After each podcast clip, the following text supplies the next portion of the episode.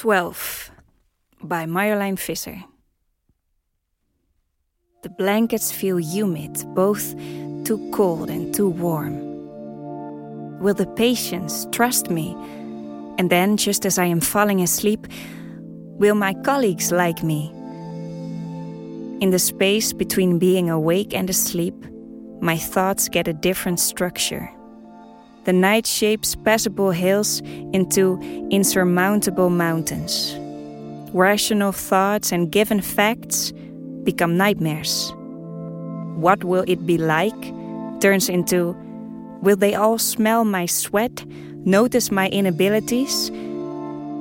I finally fall asleep with the vision of all patients and therapists firing me collectively in front of the entrance of the trauma clinic while it is broadcast live via national television.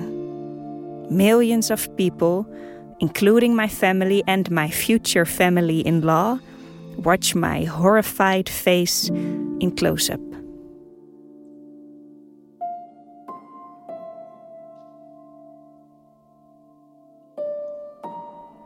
I was 12 years old. They put me in a room and let me wait there for 24 hours, without a bathroom, water, or food. I peed in one corner and slept in the other. I didn't sleep at all, actually. I, I only watched the dark walls. Walls are bigger when it's too dark to see them. When the door opened, the next day, I, I smiled. I saw light, heat, you can see warmth when you're not in it. You can. The light was lighter than light had ever been.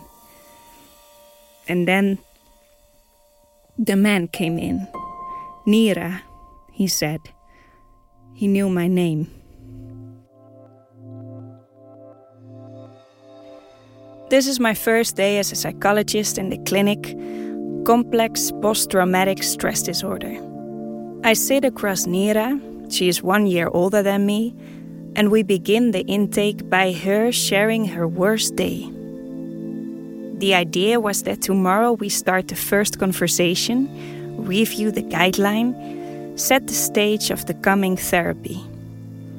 Going into the violence of her youth, she looks calm. Almost formal, she repeats abuses like one would review a list with grocery items. During the first part of her story, I straighten my skirt and try to keep complete focus on the important things. Unsuccessfully. I wonder why I choose this skirt for my first day. It's too short, and that the curtains are not open enough as she continues her story about childhood isolation, I nod. I try to let go of my distractions.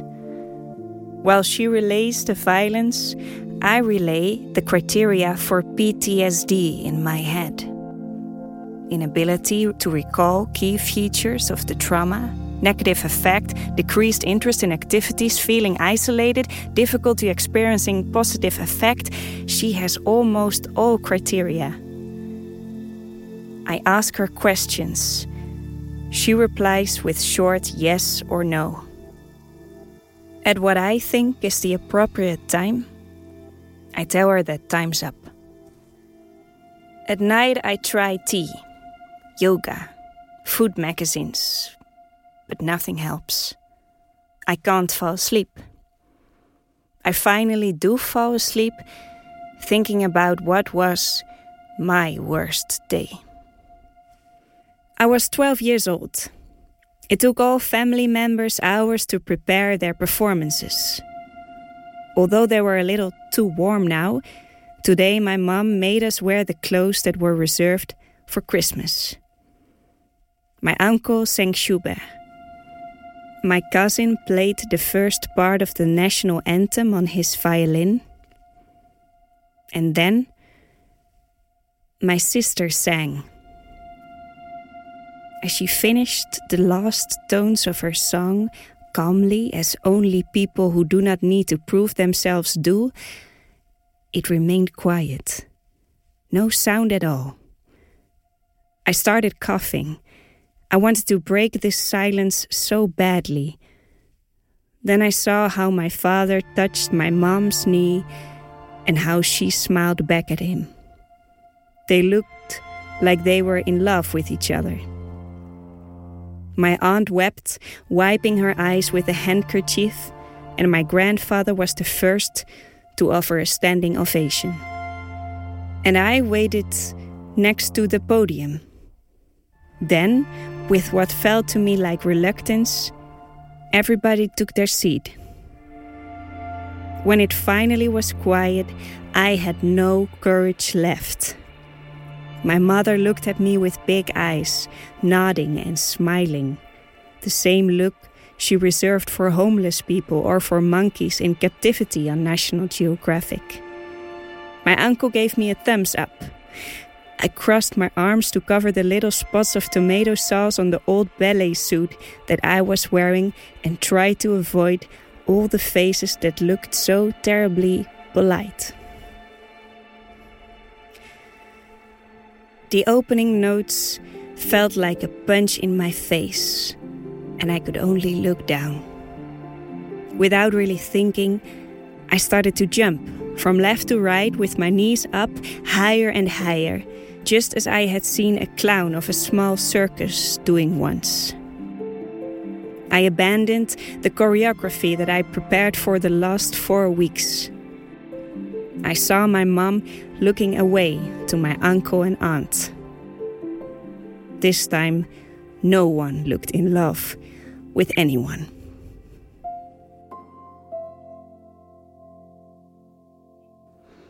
Today, the therapy room Nira and I sit in is bigger. The curtains are open, and my skirt is replaced by a blouse that is wide and formal. She watches me, waiting. I tell her about the second point of the therapy guideline that her memories never go away, but that together we can make them less intense, that we can improve them. We are doing it together. I will be right here, I say. I touch my notebook as a professional psychologist does. When I walk out of the room to gather some tea, I think of the fourth point of the therapy guideline on complex trauma that memories are subjective.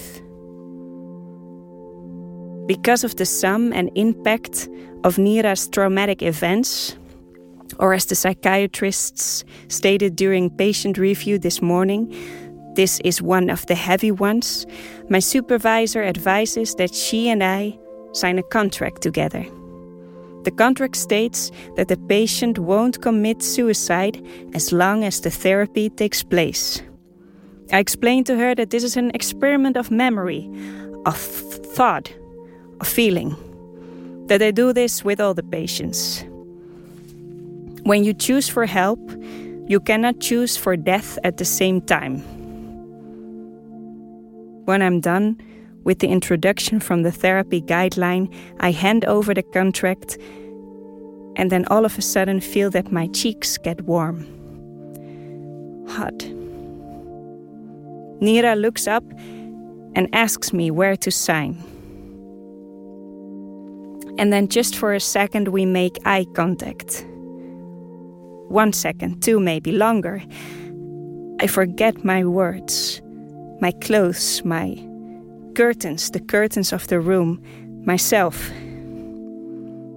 I feel my face getting more red. Nira sits in front of me with no expression on her face. She looks like a doll whose eyes have been put in and taken out of the head too often by impatient children. I point at a line on the bottom of the paper. Sign there, I mumble. And then I watch her. I watch the way she sits there with that contract that is too long and so formally written by my supervisor. Carefully, she puts down her autograph, like a schoolgirl who just thought of one and isn't sure if she remembered it correctly. And then I feel it. My cheeks are wet. I am crying. No, I, I, try to stop, but the tears keep coming. They find their ways without my consent. Nira looks up from the contract and sees me and my tears. She nods and smiles at me, sliding the box with tissues towards me. This girl who has to do everything alone. This girl who didn't receive love when she needed it so badly. I look at her and wish that her pain was tangible, that it served a purpose. I hope so many things for her, yet everything I want is colored by my own privileges. The worst pain I can imagine is that of a woman giving birth, yet it ends well. Even though her body is turned inside out, as soon as the baby is delivered, she smiles. She smiles for herself. I wish I could give Nira my worst days, my worst nights. A family which worst behavior is to be too polite. I wish that her bad nights were caused by nerves of starting a pretentious new job. But Nira is too sick for a pretentious new job. Too old for a good youth. And that person, she smiles at me now in this room with open curtains above a contra suicide contract that we made for her.